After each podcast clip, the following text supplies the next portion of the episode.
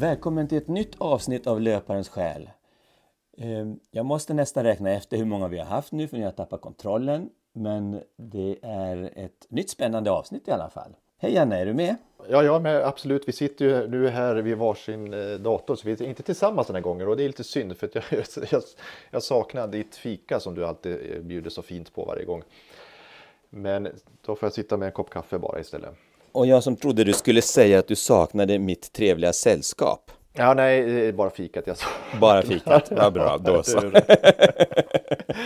nej, definitivt. Vi, jag, jag var ju för sig bi- förbi en sväng tidigare idag till dig också så jag har fått nog av det för dagen i alla fall. Men, men eh, det, det går till fler tillfällen. Ehm, Så att jag var ute på en runda här och eh, känner mig lite matt. Jag har upptäckt att man kanske inte ska springa för mycket efter man har lämnat blod. Åtminstone kan man nog vänta några dagar upptäcker jag att kroppen säger att du har inte energi nog. Det, det är lite intressant erfarenhet kan jag tycka. Det, det är något som vi diskuterade lite grann, ja precis. Du är en regelbunden duktig blodgivare, eh, vilket ju är lovvärt på alla sätt och vis. Men eh, det jag har varit rädd för det är att det skulle tappa för mycket kraft och, och att man blev trött och sådär. Eh, känner du av det? Jag, jag, jag lämnade igår. Jag, jag tycker det är lämpligt att vi lämnar på alla hjärtans dag. För jag tycker det, det måste vara blodgivardagen. Så tänkte jag. Så det gjorde jag. Eh, Självklart. eller hur? Men, Ja, eh, självklart.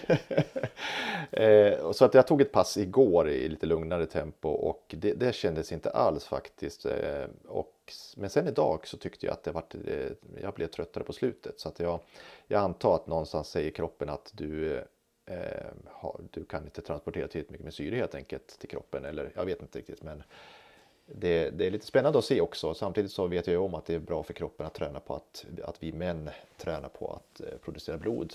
Eh, så att det, Ja. det är inte bara bra för de som eventuellt får ta del av mitt blod utan även också för egen del som jag ser det. Så att, eh, men jag kanske ska Ja. ligga lite lågt här några dagar.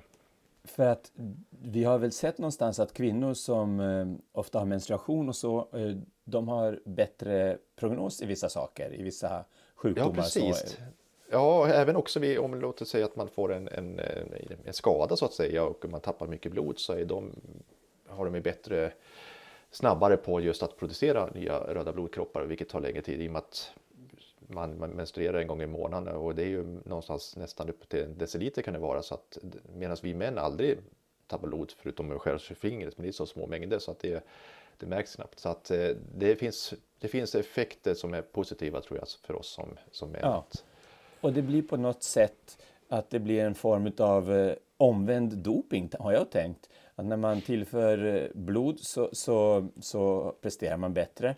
Men om man ser till att man tappar blod med jämna mellanrum så att man lär sig producera mycket röda blodkroppar så blir det ju också ett sätt att, att träna upp sin ja, syretransporteringsförmåga. Ja, det är mycket möjligt, jag vet inte, men i vilket fall så, eh, så känns det som att det här ska jag i alla fall givetvis fortsätta med, inte för kanske primärt min egen skull, men det är också intressant att experimentera, experimentera med sin kropp här också. Men det finns kanske gränser för hur mycket man eh, vill experimentera med sin kropp eller ta ut sig och liknande kan jag tänka. Och det för oss kanske till vad vi ska prata om idag. Ja, idag har vi gissa vem vi har lyckats få en intervju med idag, nämligen Johanna Bygdell ifrån Härnösand som är antagen och ska springa Barkley Ultramarathons eh, i vilken delstat är det? Arizona, är det det va?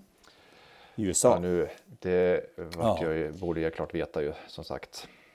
Och det är ju ett lopp som är minst sagt bekant för oss, de flesta av oss och väldigt skrämmande. För mig är det en mycket skrämmande tävling. Och det som jag skulle tycka var väldigt eh, utmanande var att kunna ha huvudet med sig för att man måste orientera sig dessutom där under loppet. Precis, och vi vet ju om att det är 15 stycken som har genomfört det här. Det är 18 stycken, men det är alltså några stycken som har gjort det flera tillfällen. Eh, Ja. I då Tennessee är i Frozen Tennessee är Head, det. Start, Frozen Head Start Park som då det heter. I Cumberland Mountains eh, också.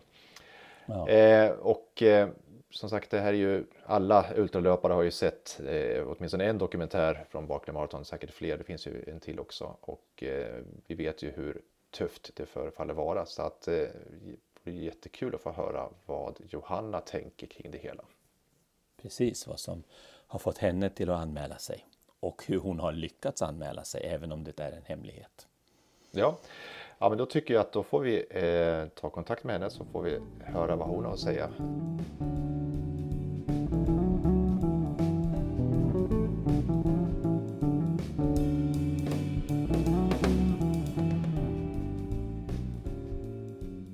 Vad trevligt! Idag har vi nöjet att ha med oss en löpare som många känner igen och som jag personligen har varit lite nyfiken på att höra mycket mera från, även om vi har hört mycket om henne.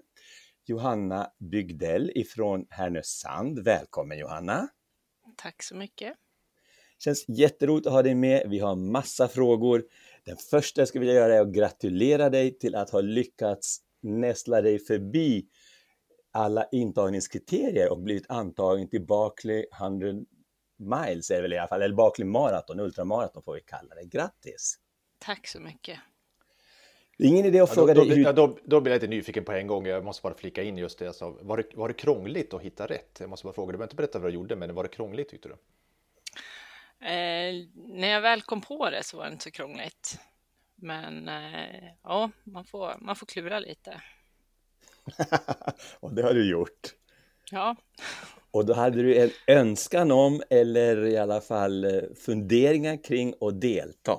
Det är fantastiskt stor sak att göra. Barkley Marathons mytomspunnen ungefär 100 miles, ungefär 16 000 höjdmeter, ungefär dussinet checkpoints, exakt fem loops och exakt 60 timmar. Det är en utmaning som är gigantisk. Hur tänkte du? Ja, men du, vi, vi, vi väntar med den frågan. För först vill jag eh, ta just det här eh, frågan. Vem är det vi har att göra med egentligen? Johanna, alltså, om du skulle med egna ord bara beskriva dig själv innan vi just går in på de här hårda frågorna med Barkley Marathon. Vem är Johanna Bygdell? eh, jag är en förälder till två barn eh, som tycker om att vara ute och röra på mig. Eh, jag tycker om att springa. Jag tycker det är en, ett väldigt kravlöst sätt att komma ut. Och eh, ja, röra på mig i största allmänhet. Det, jag är ganska rastlös så det blir olika sporter jag kör på med och försöker få med mina barn att delta på alla de här äventyren också. Det vi känner till om dig det är att du har varit duktig orienterare. Vad har du gjort mer för sporter? Jag har ju testat på swimrun. Jag har kört något skidlopp och jag har kört något cykellopp. Eh, jag tycker det... Jag gillar ju de... Ja, men hur svårt kan det vara? Det brukar vara en ganska naiv inställning, har jag insett. Eh, Okej. Men eh, ja, så- så jag körde High Coast Swimrun för några år sedan här och tänkte det, det var ju kul. Men man, man kan ju välja lite lättare saker. Men det är, ja, det är en naiv inställning eh, till det mesta och tänka att det där, det där går nog bra. Det gör det ju, men det är olika jobbigt bara. Men du har alltid haft konditionsidrott som, som din grej? Ja, Ja. det är... Jag har alltid gillat långa distanser. Jag simtränade när jag var yngre, och, men då var det mycket man ska simma 50 meter och kortare distanser. Men jag, jag tyckte det var roligt när vi på träning fick ligga och bara... Ja, men hade något pass på 1500 meter. Det tyckte jag var roligt. Så det har liksom fortsatt och bara eskalerat kan man säga. Men det är inte så länge sedan som du upptäckte ultralöpningen om jag förstått det rätt. Stämmer det? Nej, det, eller ja, det är ganska länge sedan nu börjar det väl till att bli, men eh, eh, nej, när var det jag körde första loppet? Var det där 20, 2015 kanske det var? Så man börjar komma in på mycket, om riktigt långa distanser. Eh, jag vet att det första längre lopp jag testade var ju Lidingöloppet som jag vann en startplats till och det var väl snålheten som gjorde att det där måste du ju springa nu när du har vunnit startplats. Och sen så börjar man snegla på längre och längre lopp. Och du sprang det... ganska snabbt Höga Kusten Ultra också. Eh, ja, det var, det var ett fantastiskt år, 2017. Då, då fanns det inte några höga berg riktigt, utan det, då flöt det på riktigt bra. Eh, ja, det, det, var väl då det började riktigt eh, på allvar ja, det, verkligen. Det är ju en otrolig track record du har som sagt och jag, man har ju läst på en del om dig också just då. Du har också gått ifrån att vara ganska regelstyrd vad gäller träningsschema och allting till att mer bara fokusera på att vad jag förstått har du gått från träningsprogram i hög grad och, och eh, stämmer det? Att du mer liksom Ja, jag har inga träningsprogram alls nu. Det, det funkar inte eh, med livet Nej. i övrigt, utan nu är det. Det är klart att man har en bas i bakhuvudet. Eh, mm. Man har hållit på så många år så man vet vad kroppen behöver. Men det, ja, det är mycket vad, vad känslan säger. Mm. Ja, det, är, det är spännande också när man lär känna sin kropp. Och, och nu ska du ge dig an då det, det, det man förstår verkar vara det tuffaste loppet som finns med tanke på hur få som har lyckats genomföra det här loppet. Och eh, Bakre Marathon som sagt, jag tror alla ultralöpare har sett dokumentären som är några år på nacken nu och det har väl också du gjort kan jag säga. Vad är det som lockar dig att gå in i det här eh, Johanna? Eh, det är väl att det är så få som har klarat det delvis. Eh, jag tror det är en väldigt stor drivkraft eh, att eh, dels att det blir en, en del av orientering i, i hela momentet också.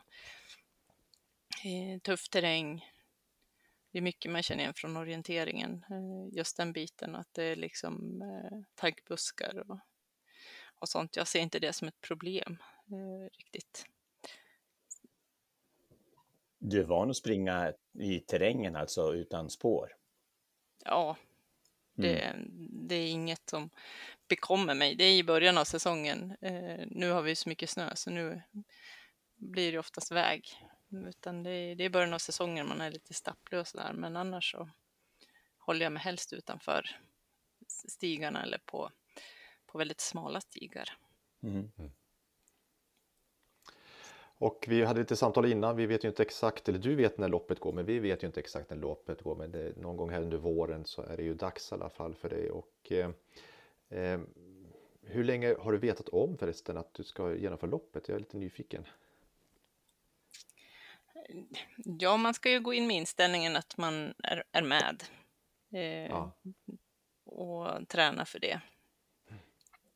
Så, så det eh, sen det är inte jättelänge sedan jag fick reda på att eh, jag har en plats där, så det, då, då, har det blivit fått vrida upp träningen lite grann här och motivationen kom tillbaka. Den har, den har varit lite halvdan efter Kullamannen, så det var det var riktigt skoj och eh, börja ha något mål verkligen att ösa mot. Så det, mm. ja. hur, hur, fick du, hur fick du just Barkley i huvudet? Jag, menar, jag tycker det är fantastiskt som sagt att du lyckades klura ut hur man kommer med. Att man lyckas överlista läs är fantastiskt bra. Men varför just Barkley? det känns lite som en av de mer ultimata eh, utmaningarna. Jag gillar ju det där när det eh, du vet inte riktigt hur banan går. Eh, Lite svårigheten att ta sig dit också. Eh, tycker jag ja, det lockar och, och just att det är ett litet lopp, få deltagare. Eh, det, ja, men det, jag tror mycket mystiken där och den fysiska utmaningen. Ja. Och det som, som, det som jag tycker verkar fascinerande och svåra, det är den fysiska utmaningen i kombination med den psykiska utmaningen. Att hålla huvudet klart och kunna hantera trötthet och orientering och eh, kunna tänka klart och hitta väg och sådär. Hur, hur tänker du på det? det är ju att få i sig ordentligt med energi. Det tycker jag är den största svårigheten när man springer sådana här långa lopp också. Att se till att ha en bra Eh, tillförsel av energi tidigt i loppet. För du tappar ju huvudet ganska fort och du märker ju inte riktigt. Eh, så det, det tror jag kommer att vara en nyckel, att verkligen se till att det är eh, ett bra, en bra energinivå i kroppen. Hur, hur tänker du i pauserna alltså, e, efter ett varv? Hur tänker du där? Har du en plan där att jag ska stanna en timme eller, eller ska du mata på? Eller, det, det är som säger, vi har ju sett också, men det gäller mata i sig energi som bara, som som bara går. Men och jag antar också, följdfråga på det, du måste väl ha ett team som backar upp det också? Ja, ja min sambo hänger med eh, och eh, ska tala mig till rätta här medan jag håller på med det här, för man blir ju lite, kan ju bli lite dum i huvudet när man håller på. Mm. Eh, utan, och det är att vi får snacka ihop oss om vad det ska vara för plan, så kommer han att få hjälpa mig att följa den, för jag vet att jag är jättedålig på att göra det när jag väl tävlar.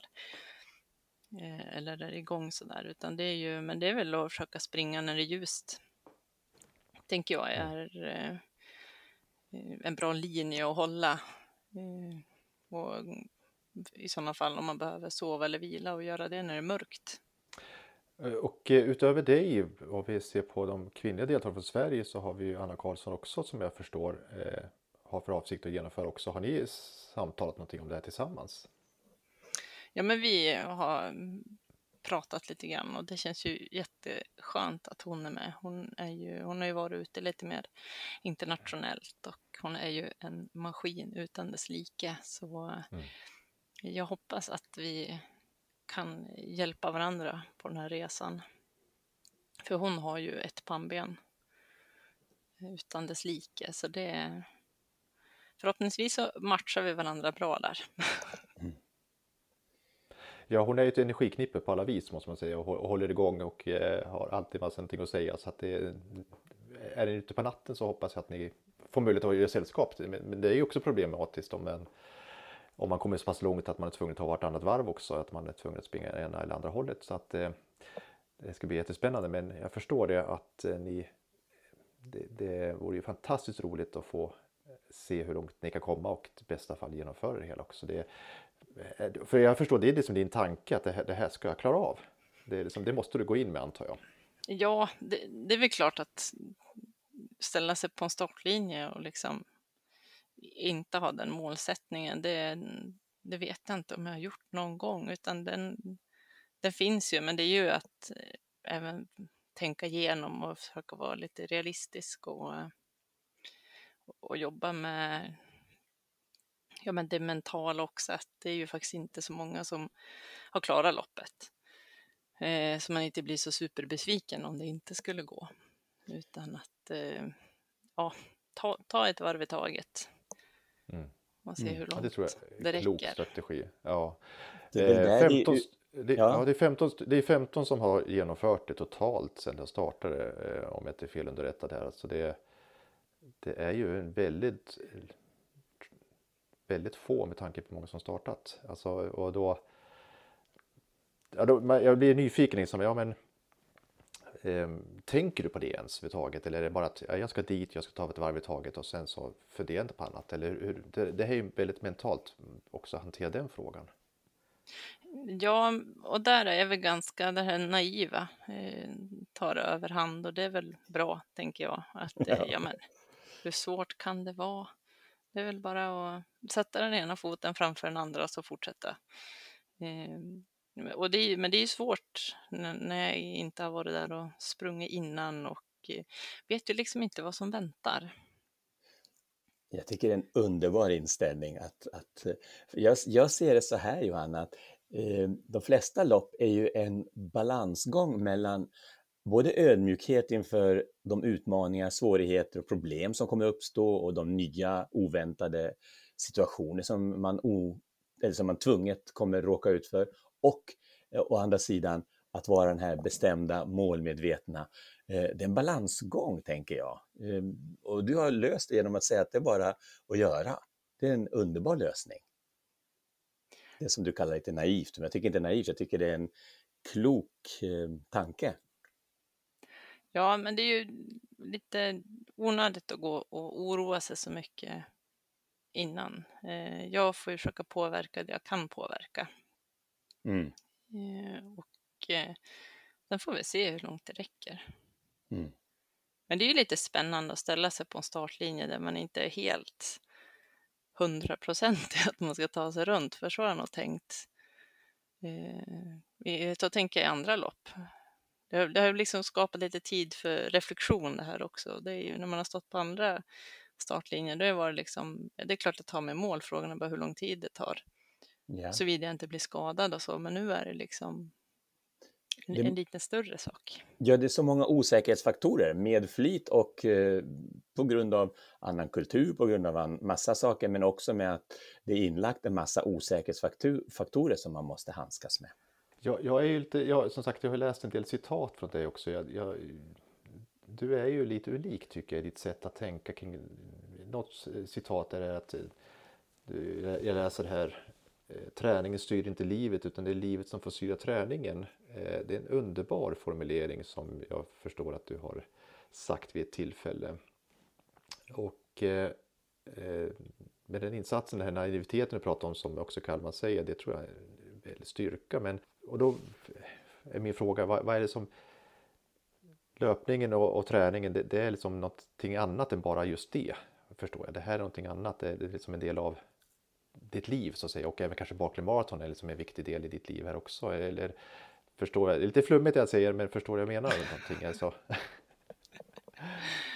Eh, ja, men det är ju ett beroende förhållande till träningen. Eh, liksom att eh, för att jag ska må bra så måste jag träna.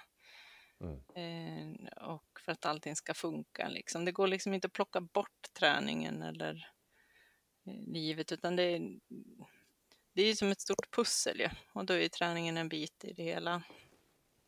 Men jag tränar ju och jag tränar delvis för att prestera, för jag tycker det är jättekul att tävla.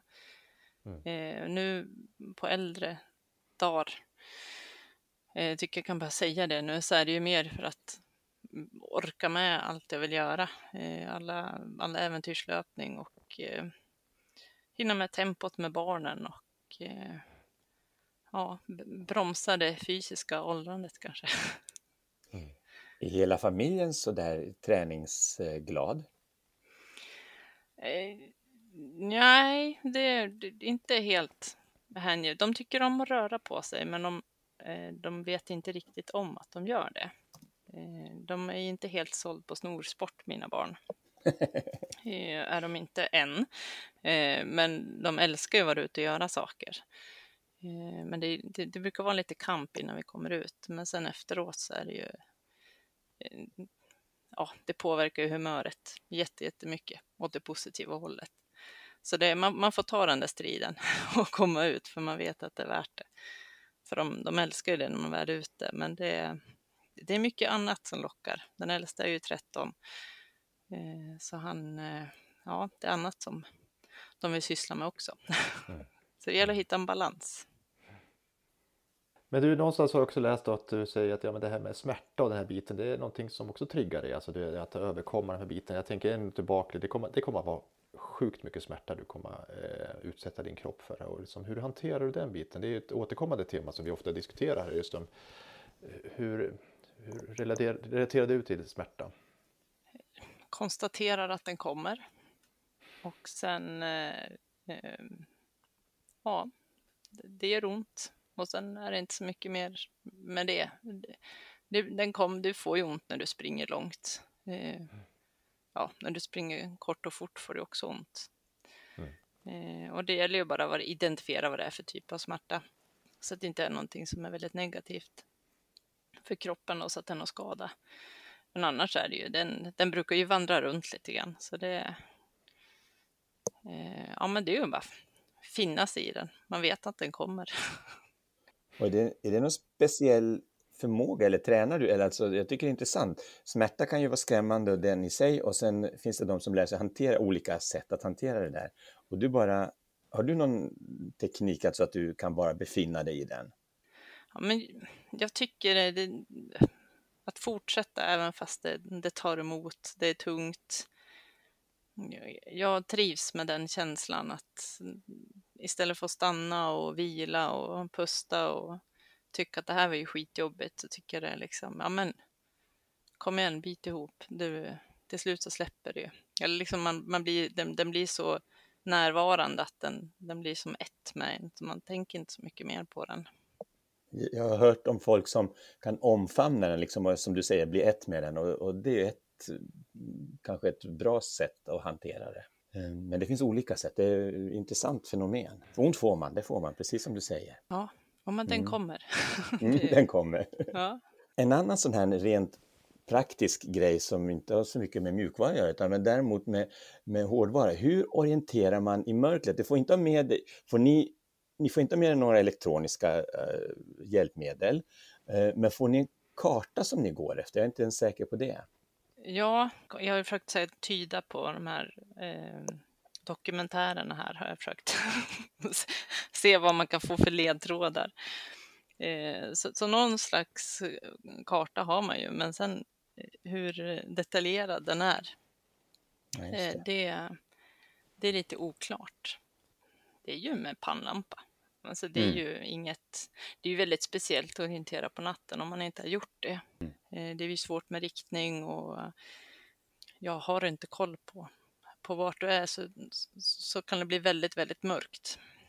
Eh, mm. Det vet jag från när jag orienterat. Man kan bli väldigt frustrerad och tycker att någon kan tända solen för att det är du vet inte vart du är någonstans. Så det, det är en annan teknik att um, röra sig fram i terräng på natten ja. mot dagen. Och att hitta sin väg. Får ni, ni får använda kompass, det måste ni få ändå. Det hoppas jag.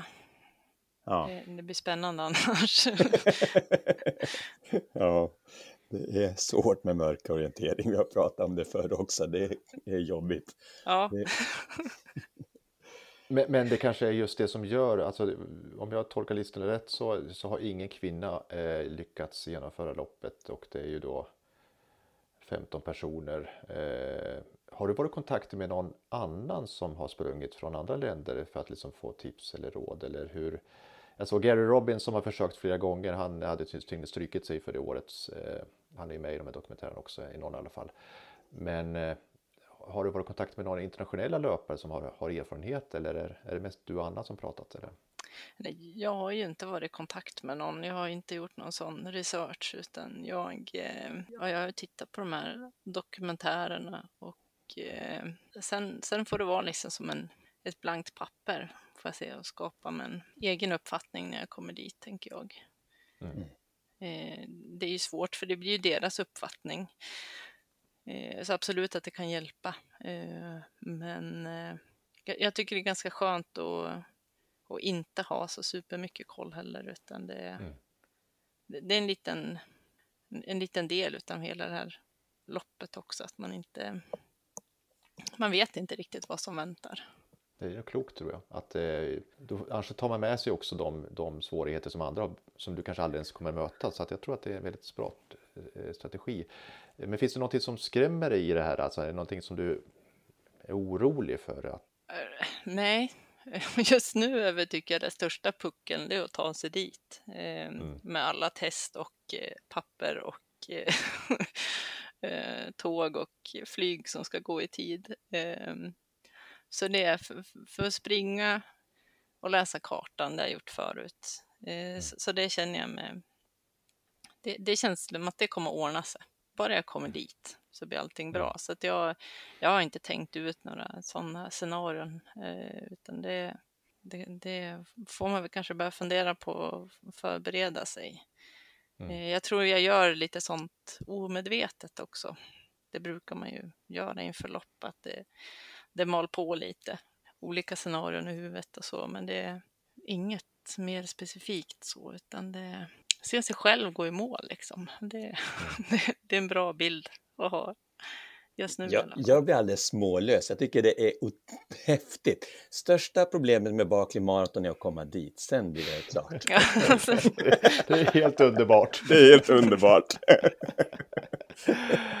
ja, nej, det, det, du, jag hoppas att du förstår hur många som kommer att vara att följa er. Eh, det här är ju så stort och det är så otroligt roligt att eh, du ska vara med. Det, det, det, man bara längtar för att få se hur det här kommer att gå. Men jag har en fråga, liksom, har du fått tag i någon nummerplåt? Alltså hur gör man med det? Ja, men det, det har jag väl fått. Eh, eh, någon, någon, som hade någon som man kunde få, tror jag. Okej, okay, vad bra. Så det, ja, för det där var också ge sig ut någon mörk natt där eller jag vet inte man ska, hur man skulle hitta på det. Men det, ja, ja, ja, men då var det en kompis som hade en som låg så då tänkte jag att ja, Underbart. Ja, nej, det här är ju fantastiskt och, jag, och det här är någonting som jag tar med mig i det här samtalet. Just den här, den här inställningen du har tycker jag är fantastisk. Just att det, det, jag vill inte veta för mycket, jag är naiv, jag tror att det här kommer gå bra och eh, de förutsättningar du skapar för dig själv tror jag är det bästa du kan göra. Eh, det känner jag i alla fall. Vad säger du Kalman? Som... Ja, nej men jag är helt mållös som sagt. Jag tycker det är fascinerande och jag beundrar den förmågan. Barkley Marathon är en sån där som skulle skrämma livet ur de allra flesta löpare och du har hittat ett förhållningssätt som är helt fantastiskt och jag ser så fram emot att, det, att du kommer till mållinjen. Och, och då kommer vi som sagt, det är jättemånga som kommer följa dig och jag hoppas så innerligt att det blir två svenskor som kommer gå i mål där. Det ser jag fram emot. Ja, det vore ja. fantastiskt. Ja, det vore verkligen fantastiskt. Visst vore det? Det vore jätteroligt faktiskt. Ja. Vi får försöka ja. se till att det blir så. Ja, vi kan inte göra så mycket, vi andra som sitter och tittar, men vi, vi kommer i alla fall hålla alla tummar och allting och eh, vi eh, eh som sagt, det vore ju otroligt roligt att få eh, få två, två kvinnor, en kvinna överhuvudtaget, men att, att uh, genomföra loppet och vinna, alltså, eller vinnare, att ta sig igenom, det vore ju helt otroligt. Så att, uh, och utan med det, som sagt, jag tycker jag hoppas inte att du känner tyngd av de förväntningar utan det, det är snarare just det, det är bara roligt att få följa er på äventyret. Så ser jag på det. Det känns mm. verkligen som ett äventyr mm. för oss också att få vara del i det här faktiskt. Så det måste jag tacka för. Och jag har också sett på dig, det var ett litet reportage i eh, SVT Västernorrland vill jag minnas om dig. Så det finns en hel del skrivet om dig också inför det här så att ni som lyssnar får ju gärna ta del av det också. För det är kul att få se dig lite live också. I det korta reportaget som var på jag vet inte, Mitt Nytt kanske heter, inte vet jag. Ja, ja men precis. precis. Ja. Eh, och vi vill bara önska dig allt stort lycka till och eh, stort tack också för att du har tagit tid att, att samtala med oss. Till. Mm. mm. Tack så Åh, mycket. vad vi ser fram emot det här. Ha det så bra Johanna. Ja, tack själv detsamma. Ja, tack. Bra. Hej. Hej.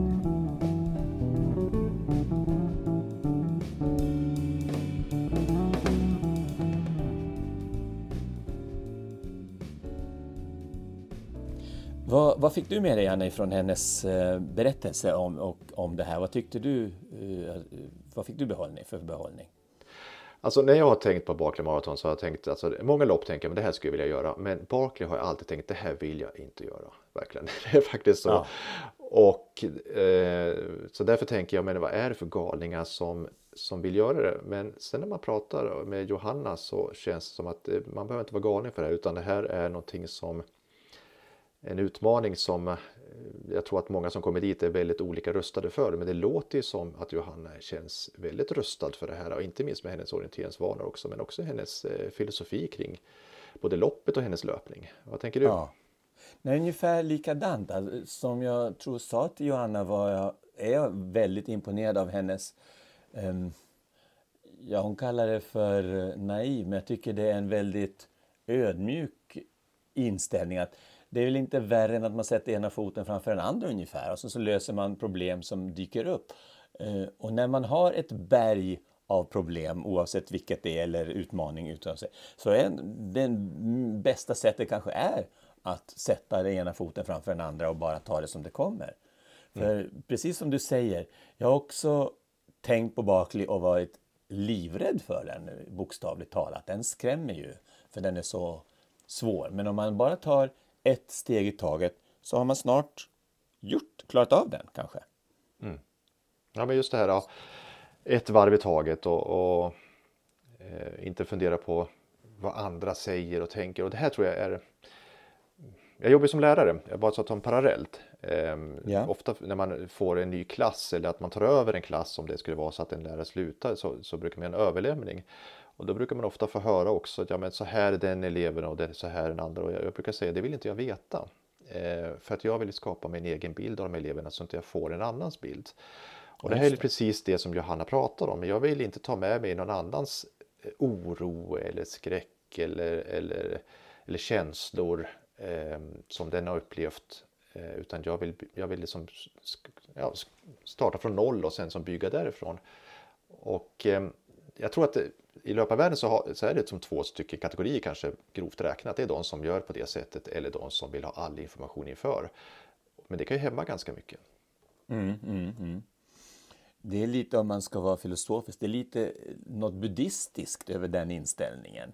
Att man tar varje sak som om det vore den första gången och försöker, fast det är en utmaning, en svårighet att klara av det. Förlorar, förlorar du något på det där, Janne? Tycker du att du förlorar någonting av att inte kunna få information vid sidan av? Nej, jag tror aldrig Nej. jag har. Utan det har varit väldigt viktigt för mig att skapa mig en egen bild av varje enskild individ för att eh, också på något vis ge de här individerna, en, i det här fallet eleverna, en, en andra chans så att säga. För att eh, det kan också vara att den uppfattning som en lärare har om en elev kan ju vara starkt präglad av en missuppfattning eller en eh, förutfattad uppfattning om eleven i fråga som inte är sann eller är korrekt. Eh, så att jag tror att det, det har aldrig på något vis hämmat mig och jag har också sett om man ser elevernas perspektiv så tror jag att de har uppskattat det också. Inte för att jag har sagt det men de har, nog förstått det att jag inte kommer med ett bagage. Och bagaget eh, Bagaget är ju många gånger eh, just vad det är för någonting. Som ni säger, det är tungt bagage. Det är en ryggsäck man bär på. Eh, Johanna måste gå in med en väldigt lätt ryggsäck och sen så fyller hon den med erfarenheter. Men det är hennes erfarenheter och inte någon annans erfarenheter. Och det är en väldigt stor skillnad. Nu pratar vi inte filosofi längre utan nu pratar vi psykologi i verkligen hög grad ska jag påstå. Ja, ja. Eh, vad, vad tar man med sig för någonting? Och, eh, frågan är, hon tar med sig sin träning, hon, hon, är, eh, hon är förberedd eh, orienteringsmässigt, hon kan, hon kan som hantverket om man säger så. Hon har ju presterat gång på gång på långa sträckor. Det som jag kan tänka mig det är att nu är det uppåt 60 timmar det handlar om. Hur, hur hanterar man den långa tiden? Ja. Det, det, det är den svåra frågan. Ja, man håller sig alert menar du under den tiden? Ja, eller? precis. Nu kan man ju Ja. vila men det finns ju gränser där också. Alltså, tiderna för de som har, som har genomfört det är ju väldigt, alltså, det handlar om 59, 58, 58 timmar. 56 är den bästa tiden, eh, 57 timmar eh, är väl, nej 55 förlåt mig. Eh, nej förlåt mig, Eh, jag tittar på listan. Den Ja. snabbaste har Brett Mo- Moan eh, på 52.03 så att det är, men det är åtta timmar extra. Eh, sen så har tiden gått ut alltså. Men det, är- det, Ja. är, ändå, det är ändå 52 timmar. Det är Och mer än enligt- två dygn. Ja, absolut. Och, och jag ser att det är många som blir tidskorta, eh, korta, alltså de eh, får slut på tid. Det, det är en begränsande faktor, helt klart. Mm.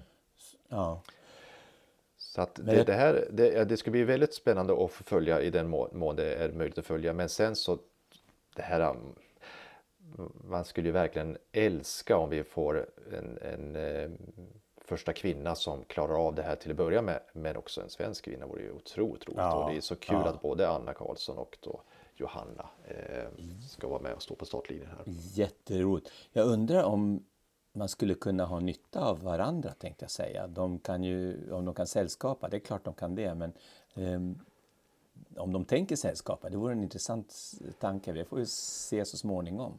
Ja, sällskap är ju ju- svårt. Det kan ju både vara en styrka och en belastning. Ja, ja absolut. Och man måste kanske vara samkörd och man måste ha lite mera planering och annat sånt. Men ja, nej, eh, det vore otroligt roligt om vi kunde det. Vi svenskar kunde vara de första kvinnliga finishers. Ja, det, det, Ja, Och ja, just det här att ja, men vi ser ju på långa sträckor så, så verkar de här skillnaderna tunnas ut ganska rejält vad gäller just män och kvinnor. Utan här handlar, och jag tror att i grund och botten det här är givetvis är en, en fysisk eh, otroligt stor prestation att klara av det. Man pratar om att det är snarare uppåt än 130 miles snarare än 100 miles. Man vet ju inte hur långa och det är olika för varje år också. Men jag skulle primärt säga att det här är mentalt utan dess like. Och just det här också, jobbiga att komma tillbaks och veta om nu får jag pausa en stund och så, så ge sig ut igen alltså. Mm. Eh, mm. Eller det faktum att man vänder håller sig åt andra hållet vilket gör att ja, men det blir en helt ny sträcka man, mm. man gör. Och, eh, så att det är så många faktorer här så att det, det är ju ett på så vis är det ett svårt lopp som jag ser det. Det har vi varit med om på bland annat Uka Pain, att man vänder sträcka så känner man att här har vi aldrig varit förut fast man har mm. sprungit alldeles nyss. Ja, det är en aspekt, en, en annan utmaning. Ja, verkligen. Ja. Så att nej, det här är, men jag tror att vi, vi har en del att lära oss av eh, Johanna eh, mentalt som sagt och det, att våga vara naiv tycker jag är spännande. Eh, ja, jättespännande. Vi håller tummarna otroligt mycket för båda löperskorna och ser så fram emot tävlingen när den kommer. Ja, det ska bli spännande som sagt och sen hoppas vi kan Tänk om vi kan följa upp det också efteråt, hade varit otroligt roligt. Vi får se vart vi hamnar någonstans. Vi får se. Och ni andra, ni får löpa väl så länge där ute på kortare sträckor, på längre sträckor. Ha det trevligt och löp väl. Tack och hej. Tack så mycket. Hej.